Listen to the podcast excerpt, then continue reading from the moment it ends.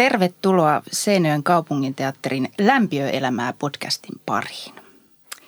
Tämä on nyt järjestyksessään viides jakso. Jos joku tykkää näitä vaikka järjestyksessä kuunnella, niin, niin siksi kerroin tämän. Vuosi on vaihtunut. Ollaan jo vuodessa 2021. Lunta on saatu tänne Pohjanmaallekin oikein kunnolla, kunnon kinokset ja lähdetään podcastin pariin. Mulla on tänään vieraana kaksi aivan ihanaa naista, jotka tuolta kaiken kiireen keskeltä kerkesivät istua tänne studioon hetkeksi ja ehkä hengittääkin jopa vähän. Vähän kaiken hektisen, hektisen elämän keskellä. Ja tämä oli hyvä syy saada heidät nyt tänne, että ovi kiinni ja ei päästetä heitä mihinkään eikä olisi puhelimia, niin heitä ei pysty kukaan tästä nappaamaan joukkoonsa. Ja tota, mun tämänpäiväiset vieraat on meidän teatterimme johtaja kaksikko. Ja tuota, ensin on meidän toimitusjohtaja Milla Hautala. Tervetuloa. Kiitoksia. Ja sitten on meidän taiteellinen johtaja Pauliina Salonius. Tervetuloa. Kiitos. Kiva, kun olette täällä. Kiva olla. Tota, tämä on nyt vähän kaksiosainen tänään tämä meidän podcasti. Meillä on siis on semmoinen isompi aihe, jota käsitellään, mutta sitä ennen on nyt tämmöinen ihan uusi osio. Ja katsotaan, kuinka meidän nyt käy tämän osion kanssa. Tämä on siis teatterikuraattorin ystäväkirja, jonka olen laatinut tuolla pienessä työhuoneessani. Ja lähetin tämän toki etukäteen heille, tutus, että he saivat tutustua tähän. Ja tässä on siis kysymyksiä ihan laidasta laitaan.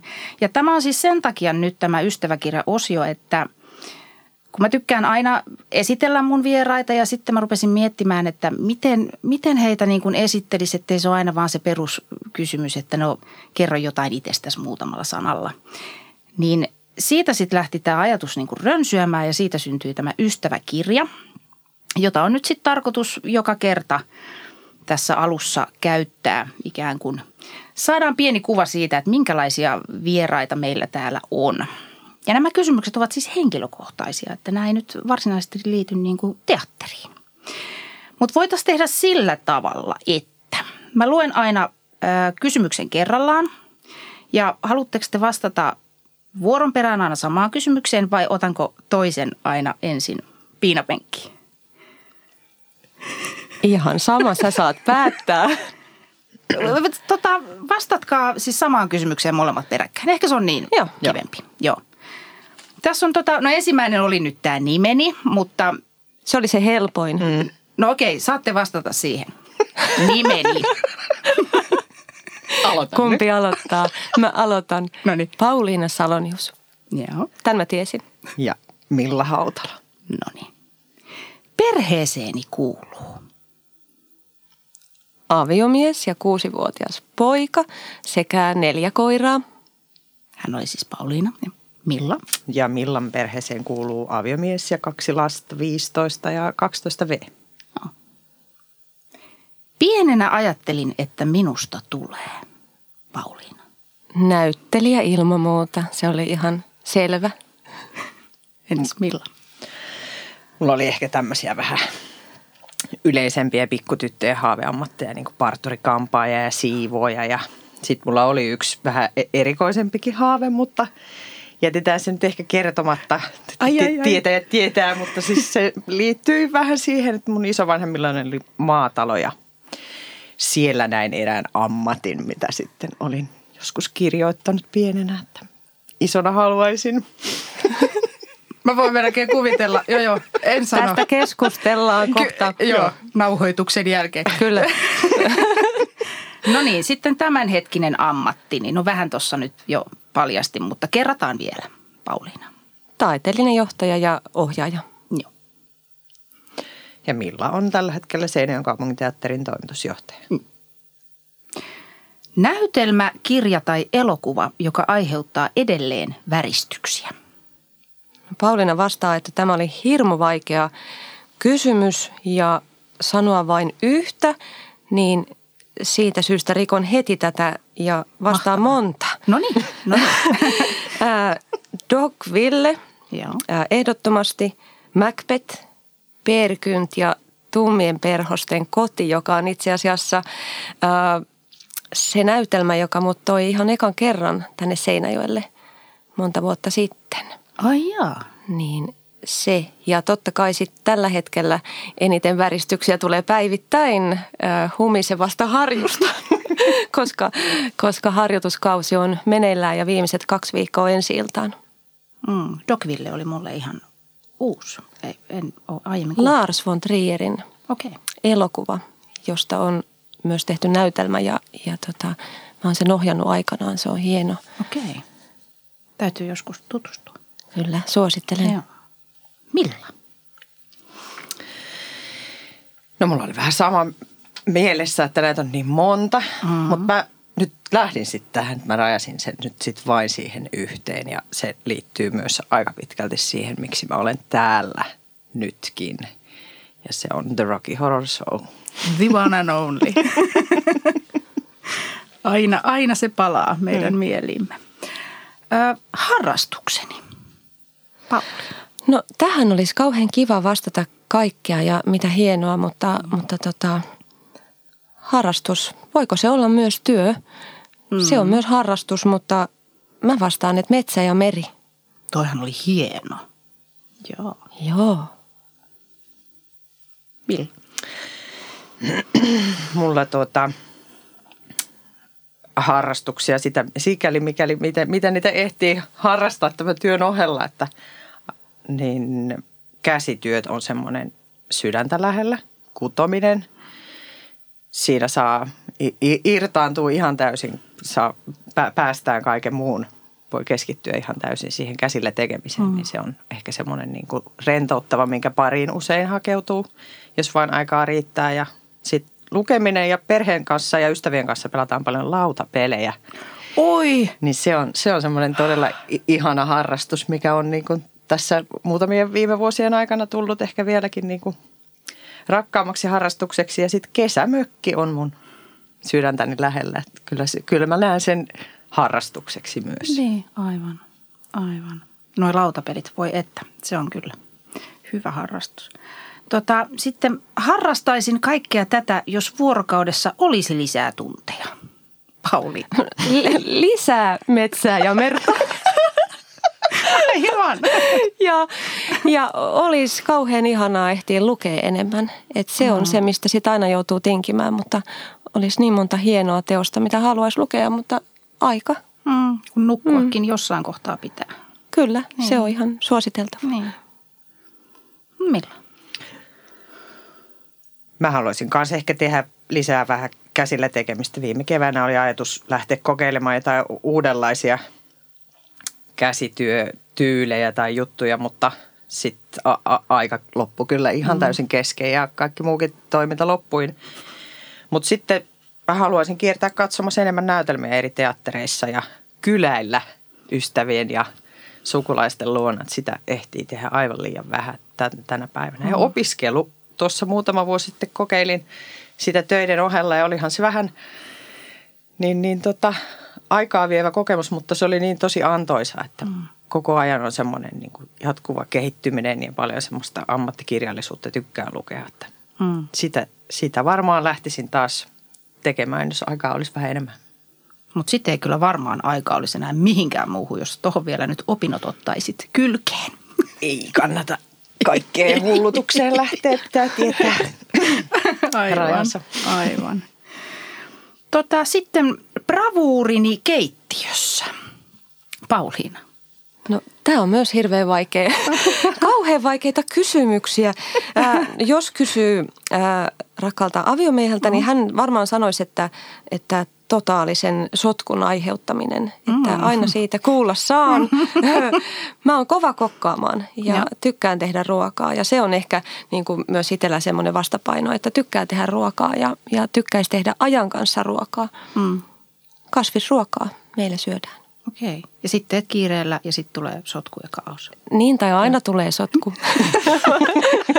mitä, mitä pidemmin kokkaa, niin sitä suurempi sotku. Se on vakio. Okei. Okay. No milloin? No mä luulen, että toi leipominen on enemmän mun bravuurini keittiössä kuin ehkä varsinainen ruoanlaitto. Sitäkin teen, mutta ehkä se näin, tai tykkäisi tehdä nimenomaan ajan kanssa, että sitten onneksi tälläkin hetkellä aika paljon tö- töissä kuluu vielä iltapäivisin ja illemmallakin aikaa, niin mies hoitaa paljon tätä ruoanlaittoa, mm. mutta ehkä semmoisia bravureja, niin hyvin yksinkertainen ruoka kuin papupata. Ja jos lapsilta kysytään, niin ne varmaan sanoisivat, että makaronilaatikko. Aivan. Onko te nyt tähän väliin ihan tämmöinen extempore, onko teillä ollut joskus tai tykkäisittekö tällaisesta, että järjestäisitte illallisia ystäville? Olisiko ihana kokata tämmöinen niin monta ruokalajia ja sitten istuu yhteisen pöydän ääreen? Oi se olisi ihanaa ja Se ihan olisi- ylipäätänsä, mm, ketä mm. näkisi ystäviä, niin se olisi ihanaa. Mutta vielä enem, enemmän se, että saisi tehdä ruokaa Mm. jollekin. Mm. Se on Kyllä. mullakin haaveena. Sanoista tekoihin. Nimenomaan. Järjestämme nämä siis yhdessä joskus. Kyllä, Ö, lapsuuteni lempilelu. aikamalla.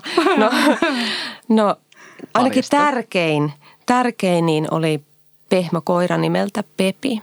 Mm. Ja se oli niin nuhjunen ja, ja niin kuin tässä lukuohje ehkä tähän nuhjusuuteen, niin niin syöty, kun se oli ihan vauvasta lähtien se tärkein. Niin, ja eikä sillä nenäkään ollut enää moneen vuoteen, Ah. mutta se oli rakkain. Niin sinä myös söit siis Niin, sitä. totta kai. joo. Natustin. Joo. Mitäs Milla natusteli pienenä?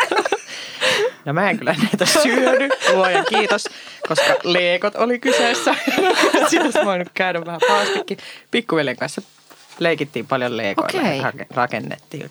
Vanhat Fabuland leekot oli suosikki ja niihin kerättiin rahaa ja niitä ostettiin sitten omalla rahalla, kun niihin oli vähän kerinyt säästää. niin Ne oli tosi hienoja. Sitten parpeilla me tykättiin mm. Kavereiden kanssa leikkiä sitten paljon. Vieläkö noin leekot on tallessa? On. Ai ai, ne on nimittäin saattaa olla jo arvokkaita tänä päivänä. osa on vielä tuota, isän tai nykyään pikkuveljen vintillä ja Mm. osa on meillä ja la, meillä omakin lapset tykkää niistä leikoista. Kyllä niitä on paljon tullut kerääntynyt taloon ja miehellä oli myös vanhoja omia leikoja. Niin Niin justi. Ja ne on ihania sitten jonain, päiv- jonain päivänä sitten, kun on lapsen lapsia, niin sitten tuot heille niitä aina antaa. Lempileluni nykyään. No, mulla ei ole leluja nykyään, mutta tämä saattaa kuulostaa kauhealta, mutta lapseni sai joululahjaksi tämmöisen retropelikonsolin. Ää, Nintendon Super Mario Brosin, tämmöinen käsi, käsipelikonsoli. Niin, niin siitä meillä on ihan pelivuorot siis, niin kun kiistellään, että kumpi saa pelata, äiti vai poika. ja, ja, ja siis en ole mikään niin kuin, äh, superpelaaja ollut ikinä, eikä, mm. eikä ole, en ole niin kuin ikinä pelannut Nintendo-pelikonsoli, tai en ole omistanut Nintendo-pelikonsolia aikaisemmin, mutta, mutta tämä vei mennessään ja mä oon siinä tosi hyvä. Yeah. onko sulla semmoinen munakello herättää siinä, että no niin, nyt on pojan vuoro? No niin, nyt äitin vuoro. Kyllä, mutta nyt me ollaan keksitty ne kaksinpelit, niin se on Aa, okei. kiva. Mm. Joo. Entäs Milla? No mä luulen, että ne on noita lautapelejä, ne tämän nykyään nämä lempilelut ja sitten mä ehkä laskisin tähän myös noin puikot ja langat, Mm, mitä aivan. löytyy. Aivan. La- lankamäärä on aika, varastot on hyvässä kunnossa. Ihanaa, kun te vastasitte noin eri lailla. Tähän tosi monet vastaa aina, että no mun oma mies ja sit kännykkä. Ihanaa, kun teillä oli tota erilaiset vastaukset. Haluaisin osata. Pauli. No mä haluaisin osata puhua useampaa kieltä ja yksi mitä rakastan niin on kreikan kieli ja se mua aina harmittaa, kun mä en sitä osaa kuin muutamia lauseita ja sanoja, niin se harmittaa ja joo, Joo. kreikka on maana kovin rakas ja sitä haluaisin osata oppia, mutta Joo. ehkä vielä jonain päivänä. Kyllä, Mm-hmm. kyllä. Milla? Mä haluaisin osata soittaa pianoa.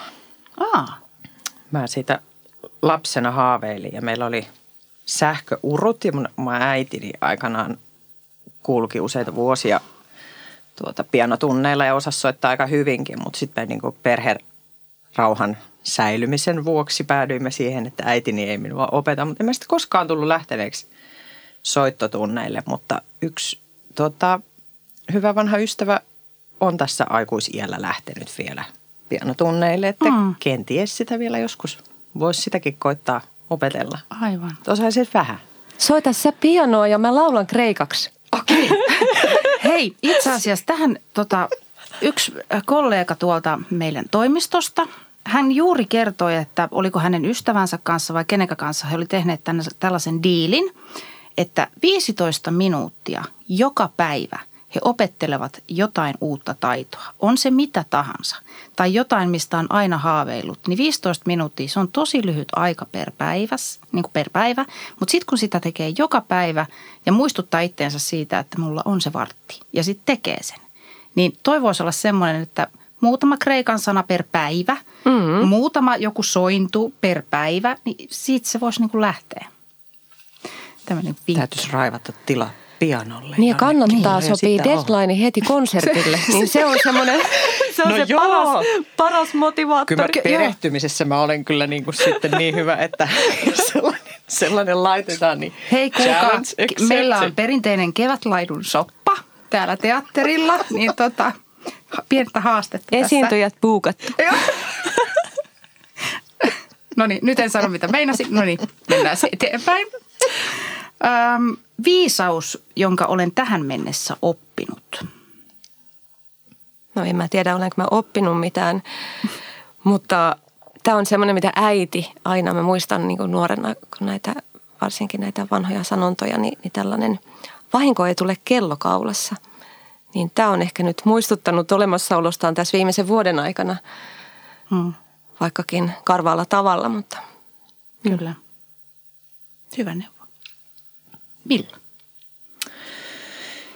Mulla oli aika montakin viisautta, mitä tuli mieleen tuossa jossakin niin kuin te- teini-ikäisenä jostain luin tämmöisen tuot viisauden, joka on jäänyt sitten jotenkin elämään niin kuin myös myöhemmin, että sisulla se etanakin arkkiin pääsi. Että ei se aina ole sitä koosta ja mm. muusta, että, mm. että samaa, samaa kategoriaa menee ehkä sitten tämmöinen viisaus, joka tota, on ehkä tullut myös niin, kuin niin sanotusti äidin maidon perintönä, että when there's a will, there's a way. Että mm. mm. Kyllä. Ei välttämättä se to, toteutus, toteudu sellaisena kuin sen oli alun perin ajatellut, mutta ratkaisumahdollisuuksia voi olla monia. Että. Aivan. Ja sitten ehkä niin kuin tämmöinen vähän perinteisempikin, että muistaisi elää myös siinä hetkessä, että sitä huomisesta ei koskaan tiedä, että elämässä saattaa sattua erinäisiä asioita. Mm, kyllä. Hyviä viisauksia. Kolme asiaa, joista pidän itsessäni. Pauli. No, mä mietin, että mä vastaan seikkailun halu kertaa kolme, niin si- siinä on. Mutta siis lähinnä ehkä se, että se seikkailun halu on aina vienyt mut kiinnostaviin paikkoihin ja tuonut elämään mahtavia ihmisiä ja hyviä kohtaamisia ja, ja kaikkea. Että se, se, on, se on ehkä. Hmm. Kyllä. Millä? No mä sanoisin, että semmoinen positiivinen ja iloinen elämän asenne, sen mä lasken niin kuin yhdeksi. Mm, joo. Sitten tämä ratkaisukeskeisyys, jota mä äsken ehkä tuossa vähän niin kuin viittasin myös tuossa viisauspuolella, mm. että niitä ke- keinoja ja tapoja on monia.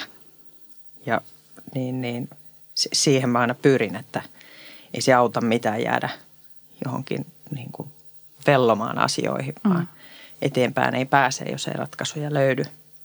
Ja sitten mä oon mielestäni aika helposti lähestyttävä ihminen, että sen olen kuullut myös mu- muualtakin mm. joskus palautteena ja sen sanoisin kolmantena. Kyllä.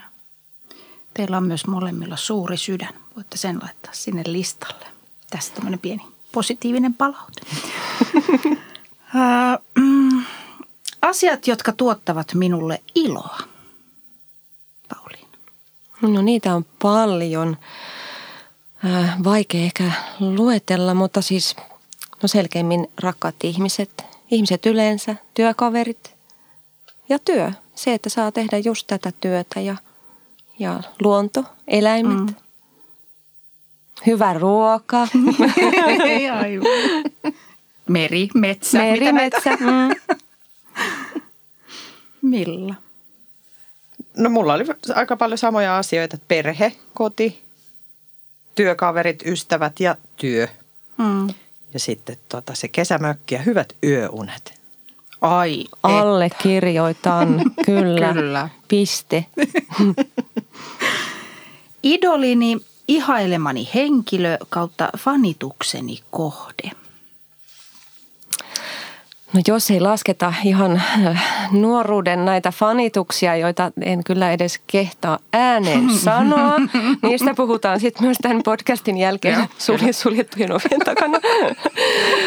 niin ei ole oikeastaan koskaan ollut varsinaista, mutta ehkä niin ajattelisin, että fanitan tai arvostan kaikkia ihmisiä, jotka tekee pyyteetöntä eläinsuojelutyötä. Että eläimet on, on tosi, tosi tärkeitä itselle ja on itsekin nuorempana ollut tosi aktiivisesti mukana eläinsuojelussa. Se on hienoa työtä. Milla? Joo, mun tuli myös tästä kysymyksestä, kun puhutaan idolista, niin jotenkin enemmän ehkä ne ala-yläasteen tuota, ihailemat hahmot ja fa, tuota, henkilöt mieleen, mutta ei mennä niihin, koska kysyttiin tällä hetkellä. Niin sitten mä päädyin tämmöiseen vastaukseen, että semmoinen ihminen, joka on itsensä kanssa sinut ja rohkea ja iloinen ihminen. Ja sitten niin kuin, kun mä tämän olin kirjoittanut, niin sitten tuli mieleen, että niin, sehän on mun jo edesmennyt mummani. Aivan. Kyllä. Äidit ja mummat usein on. No ainakin itselle, niin olisi kyllä varmaan ensimmäisten listalla. Sitten, kun katson peiliin, näen. Pauliina. Keski-ikäisen oman itseni. Hmm, koetko olevasi jo keski-ikäinen? Valitettavasti. Okei. Okay. Mutta tämä on ihan hyvä ikä. Joo, sitten taidan olla minäkin. Milla? Mahtava. Meillä nyt ei hirveästi tuota ikäeroa ole, että miten Niin. mullakin lukee tämä ikä täällä peilistä näkyy. Mutta mä olin kirjoittanut, että parhaassa iässä oleva Ihanaa. tasapainoinen ihminen, joka vastoinkäymistä huolimatta katsoo positiivisesti eteenpäin. Hyvä. Just näin. Toi oli hyvä. Unohdetaan nyt ne keski-ikäiset. Mm. Me ollaan parhaassa iässä. Jos minusta tehtäisiin näytelmä, nämä ominaisuudet haluaisin tuoda roolihahmostani esille. Pauliina. No taas kimurantti kysymys. Ja tota, taas mennään sinne osa-alueelle, mitä ei välttämättä tässä, tässä, tässä tota, ei vaiskaan, en mä tiedä. Mä olisin varmaan aika, aivan liian tylsä hahmo näyttämölle. Että, Mm. Ee, seikkailuhalu olisi varmaan semmoinen, niin kun se olisi mm. joku tämmöinen seikkailijatyyppi. Tosin Eikö? tässä nyt, mitä, mitä tota, Millan kanssa ihan viime päiv- päivät tai tämä meidän, meidän yhteinen työura tässä, niin, niin kyllä tästä kyllä saisi aika, aika Aikamoisen välillä näytelmän. no, aikamoisen näytelmän, että, että ei muuta kuin kääritään hiat ja aletaan Nimenomaan. kirjoittaa. Se on se seuraava kanta. Ja sit- Se on seuraava. Kyllä. Joo. Milla? No ensin jotenkin lähti miettimään niin kuin jo olemassakin olevien näytelmien kautta tai muuta. Mä olisin varmaan joku etsivä tai Mm. semmoinen, joka niin kuin, tai poliisi, joka etsii niin kuin, että kyllä se sieltä löytyy Aivan. se asia ja ratkaisu, mutta niin, niin mä olisin kuitenkin semmoinen hirveän innostava ihminen siinä. Miten mun tuli yhtäkkiä mieleen puolustusasian ajaja? Oi luoja. Meillähän syntyy tässä niin kuin, kuin itsestään uuden näytelmän Oh, joo, joo. niin, niin, Joo. niin Aihiot. genre ja aiheet ja, ja lähdetään Kyllä. työstämään. Ja sitten esitetään se kreikan kielellä. Juuri näin. Joo. Kyllä. Ja Mä piano. äänisuunnittelullisesti teen pari pieno soolot sinne väliin. Tomille terveiset sinne studioon. Tämäkin on hoidettu. Tomi. Tomi on hävinnyt kuvasta. Ei, putosi lattialle juuri. Oi luoja. Tunnelmat on suorastaan kuin pulkkisen äänistudiossa. Juuri näin. Tota, viimeinen kysymys. Jos saisin yhden supervoiman, se olisi Pauli. Mä en tiedä, onko tässä supervoima, mutta, mutta jos olisi mahdollisuus aikahyppyyn, Mm? niin, niin sellainen voima, kiitos, ottaisin vastaan mielellään ja käyttäisin. Laitetaan. Seikkailisin Tilaus. sinne tänne ja loikkisin pisin poikin. Onko sulla tulevaisuuteen vai taaksepäin? Niin. Molempiin. Ja kuinka pit, siis haluatko mennä johonkin niin kuin tosi kauas, ettei nyt niin kuin lähivuosiin edes? No ehkä, ehkä siis mennyt kiinnostaa enemmän, mm. mutta kyllä voisi piipahtaa tulevaisuudessa. Ainakin voisi muutaman vastauksen käydä hakemassa. No se, niin kyllä. Ihan voisin mennä vaikka tuonne vuoden päähän, sekin riittäisi. Pikkasen kurkistamaan. Niin, kurkistamaan. Joo. Mm. Milla? No ehkä nyt nämä varmaan nämä, tämän viimeisen vuoden tapahtumat jotenkin sävytti tätä mun vastausta. Mm. Mikä mun tuli päällimmäisenä mieleen, niin olisi ehkä tämmöinen parantamisen supervoima. Olisi kyllä aika kiva. Mä oon joskus, nyt mun on pakko saada kertoa vähän itsestäni. Tota, mulla on ollut semmoinen haave, että jos saisi supervoiman. No ne, ketkä tietää Harry Potterin, niin sieltä tämä ilmiintyminen. Mm. Että pystyisi kerta kaikkiaan niin kuin paikasta toiseen siirtymään sille sekunnissa. Se olisi aika kova juttu. Hei, kiitos ystäväkirja-osio vastauksista. Tämä oli oikein kiva. Kiitos. Kiitos. Nyt saimme pienen, tota, pienen kurkkauksen siihen, minkälaisia meidän johtajakaksikko on. Sitten mennään tähän, tähän meidän isoon varsinaiseen aiheeseen, joka on siis teatterin manifesti. Ja tämä on nyt, kuulkaa, tämä on ihan uusi juttu. Ja tämä on siis sellainen manifesti, se on vähän niin kuin kuulutus, ilmoitus, tämmöinen niin kuin julistus, eikö? Mm-hmm. Ja Pauliina aloittaessaan täällä meillä johtajana toi tämän manifestiajatuksen ikään kuin tullessaan. Ja nyt ennen kuin lähdetään yhtään sen enempää siihen, niin kerroksa Pauliina, mistä tämä idea on niin kuin lähtöisin sulla?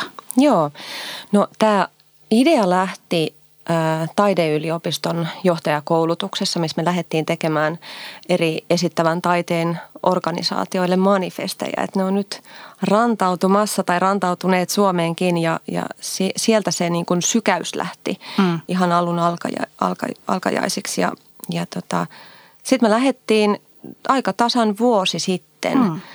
ä, taiteellisen henkilökunnan kanssa työstämään tätä ä, prosessia ja – ja tämä hioutui sitten kymmeneksi teesiksi, jotka meillä nyt sitten on paperi, paperille Kyllä. tullut. Ja, mutta tämän niin kuin, tarkoitus on inspiroida ja, ja kuvastaa nimenomaan sitä toimintakulttuuria, minkä mukaisesti me täällä halutaan työskennellä. Ja samalla se on unelma siitä, mm. että miten me halutaan tehdä taidetta. Ja, ja tämä on ihan mahtava näinkin lyhyessä ajassa, mikä tämä nyt on ollut meillä käytössä – niin huomaa, että tämä on siis tämä on meillä joka päivä tavalla tai toisella, niin tämä on esillä tämä mm. aihe, nämä teesit, että se ei ole vain joku, mikä nyt rakennetaan meille tonne johonkin niin kuin paperille ja sitten se jää unohduksiin, vaan tätä, tämä näkyy niin kuin koko ajan nyt oikeastaan meidän toiminnassa. Että se on ollut, ollut tosi kiva huomata. Tota, mä en ole kauheasti suunnitellut, että miten edetään, mutta – Voidaan tietysti tehdä niin, että mä luen aina auki yhden teesin ja tai siis en lue auki, vaan luen yhden teesin ja sitten avataan se vähän, että mitä se tarkoittaa mahdollisesti niin kuin meidän teatterissa. Ihan semmoisia niin käytännön esimerkkejä. Et osa näistä on ihan niin kuin ymmärrettäviä, mutta sitten on muutamia semmoisia, että ehkä vaatii, vaatii vähän selvennystä. Mä toimin tässä nyt vähän ikään kuin tämmöisenä lukijana ja katsotaan, katsotaan – mitä tapahtuu. Eli manifesti. Tämä on Seinäjoen kaupunginteatterin taiteellistuotannollinen manifesti, joka koostuu kymmenestä teesistä. Manifestin tarkoitus on inspiroida ja kuvastaa teatterin toimintakulttuuria. Samalla se on unelma siitä, miten me haluamme tehdä taidetta. Manifestin tehtävä on tukea teatterin strategiaa, visiota, missiota ja arvoja. Näin. Tässä oli niin kuin avaussanat. Sitten lähdetään ensimmäisen teesin, teesin kimppuun, eli otsikolla monipuolisuus. Tehtävämme repertuariteatterina on tuottaa monipuolista teatteritaidetta, joka on aina suhteessa yleisöönsä ja aikaansa sekä tavoittelee rohkeasti uusia yleisöjä. Ensimmäinen kysymys, mikä tulee mieleen, mikä kannattaa ehkä avata, mikä on repertuariteatteri? Kumpi haluaa vastata? No repertuariteatterin ohjelmisto koostuu monenlaisista esityksistä, jotka edustaa eri teatteritaiteen genrejä. Lajeja voi olla komedia, draama, musikaali, tragedia, farssi, jännitysnäytelmä tai, tai lastennäytelmä. Eli monipuolinen Kyllä. ohjelmisto on se. Ja tämähän meillä, niin kuin ainakin mun käsityksen mukaan, kyllä toteutuu, että tämä on niin kuin ihan itsestään selvää, että näin on. Meillähän on siis musikaalit, ei nyt vissiin ihan joka vuosi, koska nehän on aika kalliita. Mutta draamaa on ja on komediaa ja lapsille tehdään ja mm. sitten vielä niin kuin eri ikäisille lapsiryhmille, että ei ole pelkästään niin kuin, että on ihan pienille ja sitten vähän vanhemmille. Haluatteko te sanoa tästä ykkösteesistä jotain? No joo, ehkä joo. just sen, että, että se monipuolinen ja, ja kiinnostava ohjelmisto, niin sehän on kaiken avainasemassa, mm. että me voidaan parhaiten palvella meidän, meidän katsojia ja kaikkia ikä, ikäryhmiä mm. ja tavoittaa teatterin pariin sitten niitä uusia, uusia, tai löytää teatterin pariin uusia katsojia ja, ja ennen kaikkea, että nuoret löytäisi teatterin pariin. Kyllä. Ja meillähän on vielä se, että tosi paljonhan me kuunnellaan myös meidän asiakkaita ja yleisöä ja heidän toiveitaan. Ja pyrimme sitten niin kuin ainakin osin niitä niin pystyä toteuttamaan, että, että sieltähän aina toiveita tulee. Mä yritän olla rapistelematta, ettei tule mikkiin hirveitä rapinoita, kun mä käännän sivua. Mutta tota, mennäänkö kakkosteesin pariin? Eli mahdollistaminen. Emme ole valmiita tinkimään taiteestamme. Haluamme olla mahdollistajia ja etsiä uusia keinoja ja vaihtoehtoisia toteutustapoja sen sijaan, että pitäisimme jotakin mahdottomana. Nyt saatte mm. avata. Mun mielestä tämä kuvastaa niin kuin osittain kyllä jo nytkin tätä meidän teatteria, mistä mm. niin, niin täällä aina tasaisin väliajoin keskustellaan ja saadaan myös paljon palautetta sit niin kuin vierailevilta – työntekijöiltä, taiteilijoilta ja niin, niin, muilta täällä käyneiltä suunnittelijoilta ja muilta, kuinka täällä niin kuin tehdään todella tinkimättömästi tätä mm. työtä. Että se, on niin kuin, se, se kuvastaa tätä tekemistä, että, että vaikka jos, joskus tota, saattaa tuntua, että eikö tämä vähän liian iso kakku, mutta kun sitä halua riittää, niin ky, kyllä ne yleensä ne keinokin löytyy, mutta – niin löydetään ja etsitään niitä ratkaisuja, miten toteutetaan näitä unelmia täällä talossa ja sitä halua. Että se antaa mm. tietysti mun mielestä niin kuin paljon sille työlle merkitystä ja sitä, miltä se tuntuu se työn tekeminen. Että se ei ole mitään yksittäistä puurtamista vaan. Mm, aivan. Ja tämä on ehkä tärkeä siitäkin syystä, että me kehitytään. Että jos ei, jos ei jotain osata, niin lähdetään aina miettimään, että miten me tämä voidaan mm. mahdollistaa tai miten me voidaan tämä tehdä, hyödyntää meidän resursseja, mutta aina, aina lähdetään luovimaan ja etsimään niitä mahdollisia tapoja. Ja jotenkin muutenkin, että, että sen taiteen tekeminen tulisi aina lähteä siitä mahdollisuudesta, että aina on mahdollisuuksia, mm. mutta kysymys on, että miten. Ja tahtoa Kyllä. ja niin kuin tota, halua pyrkiä sinne niin kuin todella kunnianhimoisiin tavoitteisiin täältä löytyy. Että mä en näe, että ehkä meillä olisi niin kuin siinä niinkään hirveästi tekemistä, että me niin kuin täytyisi pyrkiä enemmän mahdollistamaan, vaan ehkä enemmän vielä e, muistuttaa, ei nyt voi sanoa, että hillitä, se on, mm, se on tässä mm. kohtaa niin kuin heittäisi vettä liekkeihin, mutta se, että niin kuin muistetaan myös ne resurssit ja ne. Se. Mutta en mä, mä en ole varmaan koskaan teidän kuullut sanovan ei ensimmäisenä tulee aina, että joo, tota, miten? Me ollaan että silloin suljetussa jo... kopissa, kun me sanotaan niin. ei. Joo. se on hyvä, että teette se siellä. Joo. Ja sitten, no niin, miten? All right. Mennään tota seuraavaan. Kolmas teesi, eli ainutlaatuisuus. Haluamme luoda uutta. Emme hyväksy taiteellisen työn toisintoja – Jokainen esitys on ainutlaatuinen ja esitystä tulisi työstää siten kuin se olisi viimeinen. No, no tämä liittyy niin. vahvasti siihen työstötapaan nimenomaan, mm. että on taiteen tekeminen on, on, sanotaan, että se on kutsumus ammatti tai siihen liittyy vahvasti intohimot. Ja aina, aina työskennellään niin kuin viimeistä päivää vimmatusti, intohimoisesti ja, ja tota, myöskin se liittyy vahvasti siihen esityksen ainutkertaisuuteen, mm. että jokainen esitys on omansa ja, ja ei lähdetä tekemään, mitä joku muu on joskus tehnyt. Aivan. Nyt, nyt tässä tämän virus, joka jääköön nimeämättä aikana, on niin kuin erityisesti ehkä näkynyt tai korostunut tämä, mitä se tarkoittaa, mm. kun jokainen esitys tuntuu myös aidosti siltä ainutlaatuiselta ja semmoiselta es, niin, esitykseltä, kun se saattaisi olla jopa viimeinen. Että se, koskaan ei tiedä. Mm. Niin syksynäkin saatiin esittää ja kyllä, kyllä se sieltä niin kuin näkyy ja on paljon kuullut työntekijöiltä tuolta samaa kommenttia. Että. Ja asiakkailta. Tuntuu, että ne asiakkaat, jotka meillä on käyneet, niin se on ollut niillekin jotenkin erityisen ainutlaatusta se itse esitys. Joo, tota, neljäs teesi. Paikallisuus. Paikallisuus on meille tärkeä arvo ja vahvuus. Haluamme vahvistaa paikallista identiteettiä ja lisätä yhteisöllisyyttä. Pyrimme tuomaan paikallisia aiheita näyttämölle vähintään kerran näytäntövuoden aikana. Hmm. Joo, paikallisuus on tosi mm. tärkeä, jos miettii jo ihan meidän mm. katsoja. Ja mut yllätti, kun muutin, muutin Seinäjoelle tuossa huhtikuussa, niin ei kun maaliskuussa, no kuitenkin, niin, niin kohta tässä niin kuin vuosi takana – täällä, niin yllätti se, miten, miten paljon täällä on hienoja tarinoita, kiinnostavia historiallisia henkilöitä ja, ja ihan, ihan mystisiä, mystisiäkin juttuja. Että, että tuntuu, että mihin tahansa tuossa kesälläkin meni, meni kun aika pitkälti, pitkälti retkeiltiin tässä lähimaastossa, niin, niin, niin täällä on hienoja tarinoita, jotka mm. kannattaa ilman muuta hyödyntää. Ja, ja tässä nyt en vielä paljasta, mutta meillä on jo yksi, yksi tällainen hanke tulossa ensi iltaan, ensi vuonna.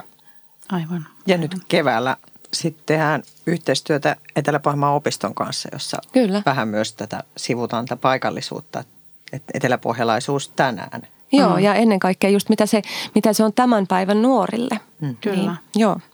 Ja meillähän on siis paikallisia näytelmiä ja teemoja, sitähän on ollut talossa kyllä. Että tämä on hyvä, että tämä on täällä ja tätä edelleen jatkamme. Tässä välissä, joo, eikö se ole vähän niin, että mitä sä oot Pauliina sanonut tästä, että sitten kun joku teesi on jotenkin jo niin itsestään selvä, että siitä ei mm. tarvitse edes niin kuin mainita, niin sitten se ikään kuin otetaan pois ja tilalle tulee jotain muuta. Että ei ole semmoinen, mikä, niin kuin, mikä on niin kuin kiveen kirjoitettu ja pysyvä. Joo. joo. Ilman muuta. Ja sitten sit kun tämä koko manifesti on, on jo niin, kuin niin jotenkin, että me tämä on osa, osa tätä, että näitä ei niinku edes mm. tarvi mainita, mm. niin sitten me kirjoitetaan uusi. Ja mm. tavallaan tämän on tarkoitus mennä jotain kohti ja nimenomaan rajata tiettyjä asioita pois. Mm. Niin sitten me kirjoitetaan uusi ja taas on niinku tietty piste, mitä kohti, mitä tavoitella. Kyllä, kyllä. Mm. Nyt vähän rapsahti paperi. Mm-hmm. teesi viisi. Teesi viisi. Voi. Vi- viides teesi. Työskentelyilmapiiri. Meillä kaikilla on vastuu työskentelyilmapiiristä. Olemme riisuneet työskentelystä vääränlaisen vallankäytön, syrjinnän ja kaikenlaisen epäasiallisen käytöksen. Tämä on sitä osastoa, joka voi kuulostaa hyvinkin itsestään selvältä. Mm. Mutta tämä ei, ei niin kuin, mä näen, että tämä ei ole ainoastaan meidän teatteri, vaan tämä sopisi ihan mihin tahansa Kyllä. työyhteisöön. Mm. Ja että se on aina välillä hyvä sanoa ääneen ja muistuttaa kaikkia ja ennen kaikkea myös niin kuin itseään, että me ollaan vaan ihmisiä, mutta se ei oikeuta kohtelemaan muita sitten mitenkään huonosti siellä mm. työpaikalla. Ja, ja että me halutaan olla niin kuin haluttu työpaikka, jonne jokaisen on hyvä tulla ja täällä on hyvä olla ja, ja siihen liittyen tämä työskentelyilmapiiri mun mielestä – menee. Ja tämä on mm. myös mahdollista ja mm. mm. kun ilmapiiri on kohillaan, niin kaikilla on hyvä olla. Kyllä. Ja tehdä teatteria. Mm. Mä tiedän, että te puututte kyllä aina, jos, jos jotain tällaista tota, on. Ja teillä on niin kuin ovet aina auki. Et sinne on niin kuin helppo tulla puhumaan mistä tahansa, mutta minkälaisia työkaluja teillä on käytössä niin kuin epäkohtiin puuttumiseksi? Onko teillä joku tietty niin kuin suunnitelma vai, vai onko sitä niin kuin mahdoton edes jotenkin nyt avata, että mitä? No ehkä keinoja on niin monia, mutta ehkä se, että pyritään ratkaisemaan ongelmat heti mm. tai asiat heti, että, että ei syntyisi ongelmia, vaan että puhutaan jotenkin semmoinen avoimuus ja, ja, ja kaiken puolin suora, mm. suora kommunikointi, niin mm. se on aina, aina parasta. Niin se keskustelu ja pyrittäisiin niin kuin avaamaan sitä asiaa enemmän, että mikä siellä on se niin kuin juurisyy siellä takana, mistä se kaikki johtaa. Aivan. Jotta voitaisiin vaikuttaa siihen oikeaan asiaan, että se tilanne sitten pääsisi siitä eteenpäin ja korjaantumaan, jos sellaista on. Kyllä. Mut, ja se, että ei, ei jätetä asioita vaan hautuumaan, vaan tartutaan niihin heti, niin mm. se on paras keino. Milla on monta kertaa sanonut tämmöisen lauseen, joka mulla aina jää mieleen, että jotta minä voin tehdä asialle jotain, minun täytyy tietää. Kyllä. Tämä on niin kuin, ja sehän monasti riittää ja tiedänkin sen, että mitä tahansa niin kuin jotenkin on tullut, niin kyllä te heti otatte sen asian, että en muista, että olisi jäänyt niin kuin mitään jotenkin. Ja sitten nimenomaan se varhainen, niin kuin, että puhutaan heti, eikä sitten 15 päivä. Ja ihmisillä on, niin kuin saattaa, niin kuin mä sanon, että ihmisiä ollaan, niin saattaa mm. olla ihan inhimillisiä syitä tai väärin ymmärryksiä ja muuta, niin eihän siinä muu auta kuin puhua se mm. tilanne auki ja niin kuin olla yhtään väheksymättä sitä toisen tunnetta siinä hetkessä, mm. mutta – päästään eteenpäin. Niin. Kyllä. Kuudes teesi. Taiteen vapaus. Ohjaajan tulee mahdollistaa luottamuksellinen harjoitusprosessi, jossa näyttelijä saa olla keskeneräinen, kokeilla ja oppia. Harjoitustilanne on pyhitettävä taiteen tekemiselle ja siitä on suljettava pois kaikki sitä rajoittavat tekijät. Tämä on aika Tätä muotoiltiin pitkään ja tämä mm. teesi haki paikkaansa tai muotoansa, muotoansa pitkään, ja, mutta tämä on myöskin semmoinen ilmapiiriasia ja että, että siinä, on, siinä hetkessä on hyvä harjoitella ja, ja se on muutenkin kaikin puolin prosessina harjoitustilanne, niin, niin sen täytyy olla luottamuksellinen ja, ja mahdollistava. Mm. Niin, tämä on aika avainasemassa. Mm turvallisuus, turvallinen mm. tunne niin kuin missä tahansa. Siellä puhutaan niin kuin ihmiset isolla, isolla persoonalla myös tekevät niitä, tätä taidetta ja Kyllä.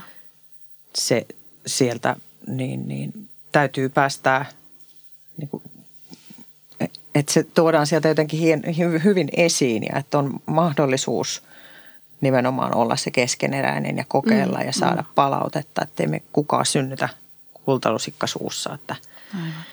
eikä me ikinä opita, jos emme tehdä joskus virheitä ja sitten miten se niin kuin, ähm, että et pahin palvelus on esittää itselle ja muille, että, että olisi jotenkin niin kuin täydellinen ja mm. mm. pää, pääsisi siitä, että miten helpottavaa on uskaltaa osata – sanoa ääneen, että myönnän, tein virheen tai mm, mm. olisin voinut itse tehdä niin tai näin. Ja se avaa monia lukkoja mm. tilanteissa ja auttaa kehittymään. Mä näen, niin tässä toki sanotaan, että ohjaaja, ohjaajan tulee mahdollistaa. Totta kai ohjaaja on päävastuussa siitä, mutta se, että miten mä sitä näen, on myös se, että kyllähän se vastuu on myös koko sillä työryhmällä – että millainen se Kyllä. ilmapiiri on. Kyllä, ja tässä tullaan taas tavallaan siihen mm. yhteen teesiin, mikä oli se vastuu, niin. vastuu siitä ilmapiiristä. Niin Kyllä. Niin totta kai se vastuu on jokaisella, mutta koska ohjaaja on työjohtaja tässä, Aivan. niin... niin Aivan. Mm, sitten seitsemäs teesi. Avoimuus. Me mehän puhuttiin tästä äsken. Kannustamme avoimuuteen ja puhumme asioista ennen kuin niistä tulee ongelmia. No niin, tämähän me äsken jo puhuttiin. Kyllä. Mm. Kyllä. Ja, se on niin kuin se kummeli sketsi, että toisen puolesta jo päätetty, mitä mieltä se on tästä asiasta, niin, mutta niin. ei puhuta kuitenkaan, että pidä Aivan. tunkkis. ja tämä itse asiassa tämä avoimuus tänä päivänä mun kokemuksen mukaan, niin ollaan menty kyllä eteenpäin hurjasti avoimuuden kanssa. Kahdeksas teesi. Tasa-arvo ja yhdenvertaisuus. Taiteemme tulee heijastaa maailman moniarvoisuutta ja monimuotoisuutta sekä edistää tasa-arvoa. Huomioimalla saavutettavuutta edistämme yhdenvertaisuutta. Hmm. Tämä on iso teesi ja mm. tavallaan tässä, tässä yhdistyy monta asiaa. Tai tämä sisältää jo niin paljon asioita, mm. mutta, mutta tota, jotta me saatiin mahtumaan tähän kymmenen teesiin, niin tästä kasista tuli tällainen valtava, valtava teesi.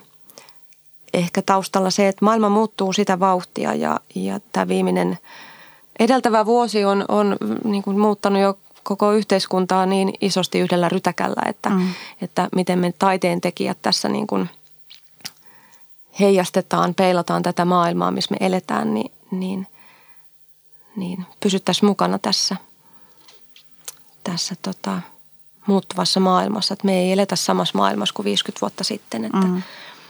että pystyttäisiin huomioimaan kaikki. Ja teesin suuruutta tietysti niin kuin kuvaa myös se, että meillähän on ihan erillinen tasa-arvo- ja yhdenvertaisuussuunnitelma talolla Kyllä. olemassa, joka avaa tätä sitten vielä tarkemmin, mutta että me olemme niin kuin mahdollistamassa kaikille sen yhdenvertaisen kohtelun. Mm. Kyllä. Ja sitten saavutettavuus liittyy toki myös ö, vahvasti katsojakokemukseen, mm. että, että miten me pystytään mahdollistamaan yhdenvertainen katsojakokemus mm. kaikille. Kyllä. Yhdeksäs tees, nyt vähän rupean kirimään, koska kello, kello tikittää uhkaavasti. Yhdeksäs teesi, yhteistyö. Kuuntelemme tulevaisuutta. Tarjoamme tilapäisiä näyttämöitä nuorille sekä etsimme yhteistyömalleja paikallisten kulttuuritoimijoiden kanssa.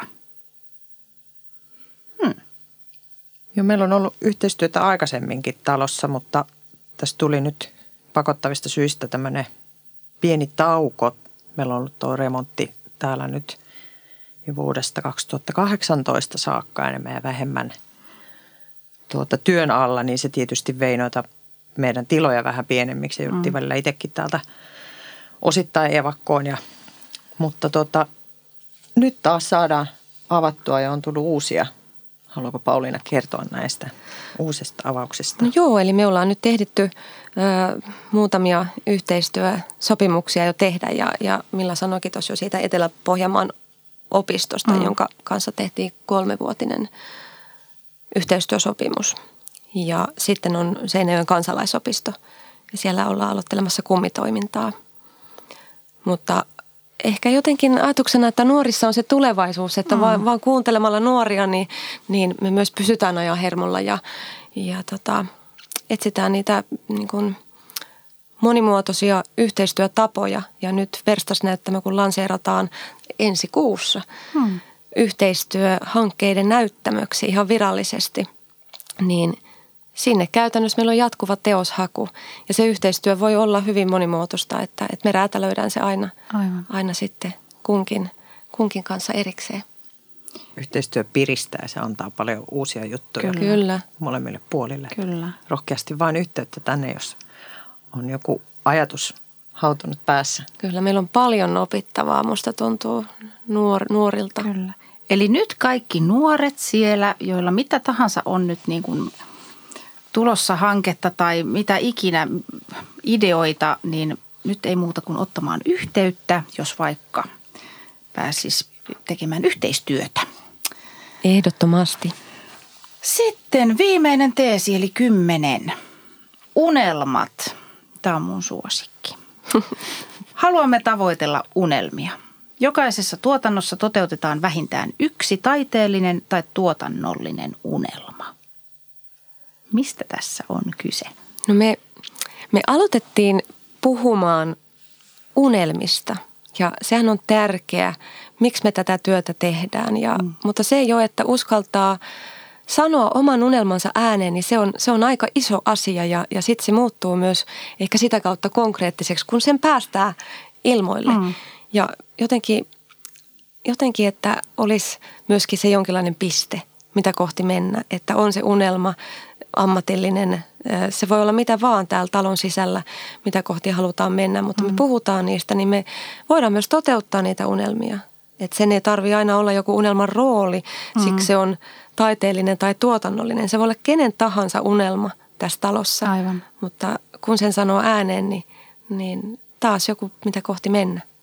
Ja vielä niin, että esimerkiksi näyttelijän ei ole pakko kertoa vain, että mikä on hänen unelman roolinsa, vaan ei. se voi olla mitä vaan. Mitä vaan. Olen aina halunnut tehdä lavastussuunnitelman Kyllä. tyyppisesti. Mm. Mm, mitä vaan. Joo. Ja Humisevassa harjussa meillä on yksi tuotannollinen unelma tällä hetkellä menossa. Siellä on vähän uudenlaisia rooleja, mitä on aikaisemmin tehnyt mm. tässä Joo. talossa. Aivan. Siellä Aivan. meillä on, on unelmia jo toteutettu. Hyvä, se on oikeastaan nyt ensimmäinen, ensimmäinen missä, niin kuin, tai minkä, minkä näytelmän tiimoilta on alettu puhumaan niistä, että, mm. että mitkä ne unelmat vois olla. Niin. Kyllä, mm. kyllä. Teidän sähköpostit täyttyy kohta unelmista. Kun... Se on ihanaa ja unelmia saa, saa lähettää mm. mitä, minkä kanavan kautta tahansa tai, tai sanoa suoraan ja, ja me niistä puhutaan myös talon – taiteellisessa jaoksessa ja, mm. ja jaetaan unelmia, niin Kyllä. se on myös ollut tosi, tosi kivaa. Mm-hmm. Mä opiskelun lopputyössä kyselin myös asiakkailta mm. heidän unelmien teatterielämystä. Ja sieltä tuli paljon ihania vastauksia, jotka oli semmoisia tosi kokonaisvaltaisia, miksi se koetaan. Niin, niin. Eli se ei ole pelkästään niin teatteriesitys. Ei. Joo, aivan. Ja unelmat auttaa kehittymään. Kyllä. Niin, se, se on tosi tärkeässä se. osassa. Loppuun kysynkin sitten sen henkilökohtaisen kysymyksen, että mikä on teidän unelma? Mikä on Pauliina sinun unelmasi? Se voi olla nyt, sä voit paljastaa joko sen niin kuin taiteellisen tai sitten henkilökohtaisen unelman. Tämähän on tosi vaikea. No niin. niin. no ehkä jo henkilökohtainen on, on se, että sais elää mahdollisimman pitkään terveenä ja voida hyvin ja, ja rakkaiden ihmisten ympäröimänä ja, ja käydä kivoissa paikoissa ja seikkailla vähän lisää ja, ja etsiä ja löytää.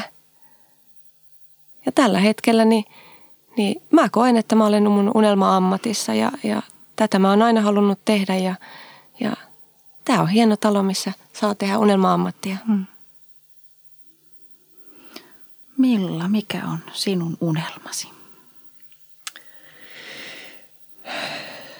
Normaali elämä tällä hetkellä. Ollaan eletty pitkään semmoisessa poikkeustilassa, on ollut remonttia ja nyt on tätä korona-aikaa. Että päästäisiin esittämään mm. niin kuin tämmöisiä työhön liittymiä unelmia on mm. ehkä niin kuin, se, se on kaikkein päällimmäisenä ja sitten toisaalta taas kanssa minkä pimeään kellarikoppiin me uskalla mennä kuiskaamaan, että mä olen myös omassa unelmassani, että mm. varokaa mitä pienempänä toivotte ja teette, että mä olen käynyt täällä työelämään tutustumassa ysiluokalla ja sitten mä tulin avustajaksi tota, näytelmään vuonna 1995 ja nyt mä olen tässä. Mä nyt, nyt mä aivan kuulkaa herkistyn. Ehkä Mutta meidän on nyt sitten... Yleisöstä unelmoimme. Kyllä. Mm, se, kyllä. Olisi, se olisi enemmän kuin ihanaa. Mä luulen, että näihin nyt näihin kyyneliin on sitten hyvä lopettaa tämä podcast. Kiitos ihan hirveästi, että kerkesitte, kerkesitte tulla juttelemaan. Kiitos, Kiitos. oli kiva tulla. Ei muuta kuin kunnes jälleen seuraavaan jaksoon. Olkaa ihmiset turvassa ja terveinä ja nyt niin kuin se klisee, peskää käsiä, käyttäkää maskeja. Toivotaan, että tosi, tosi pian elämä vähän normalisoituu.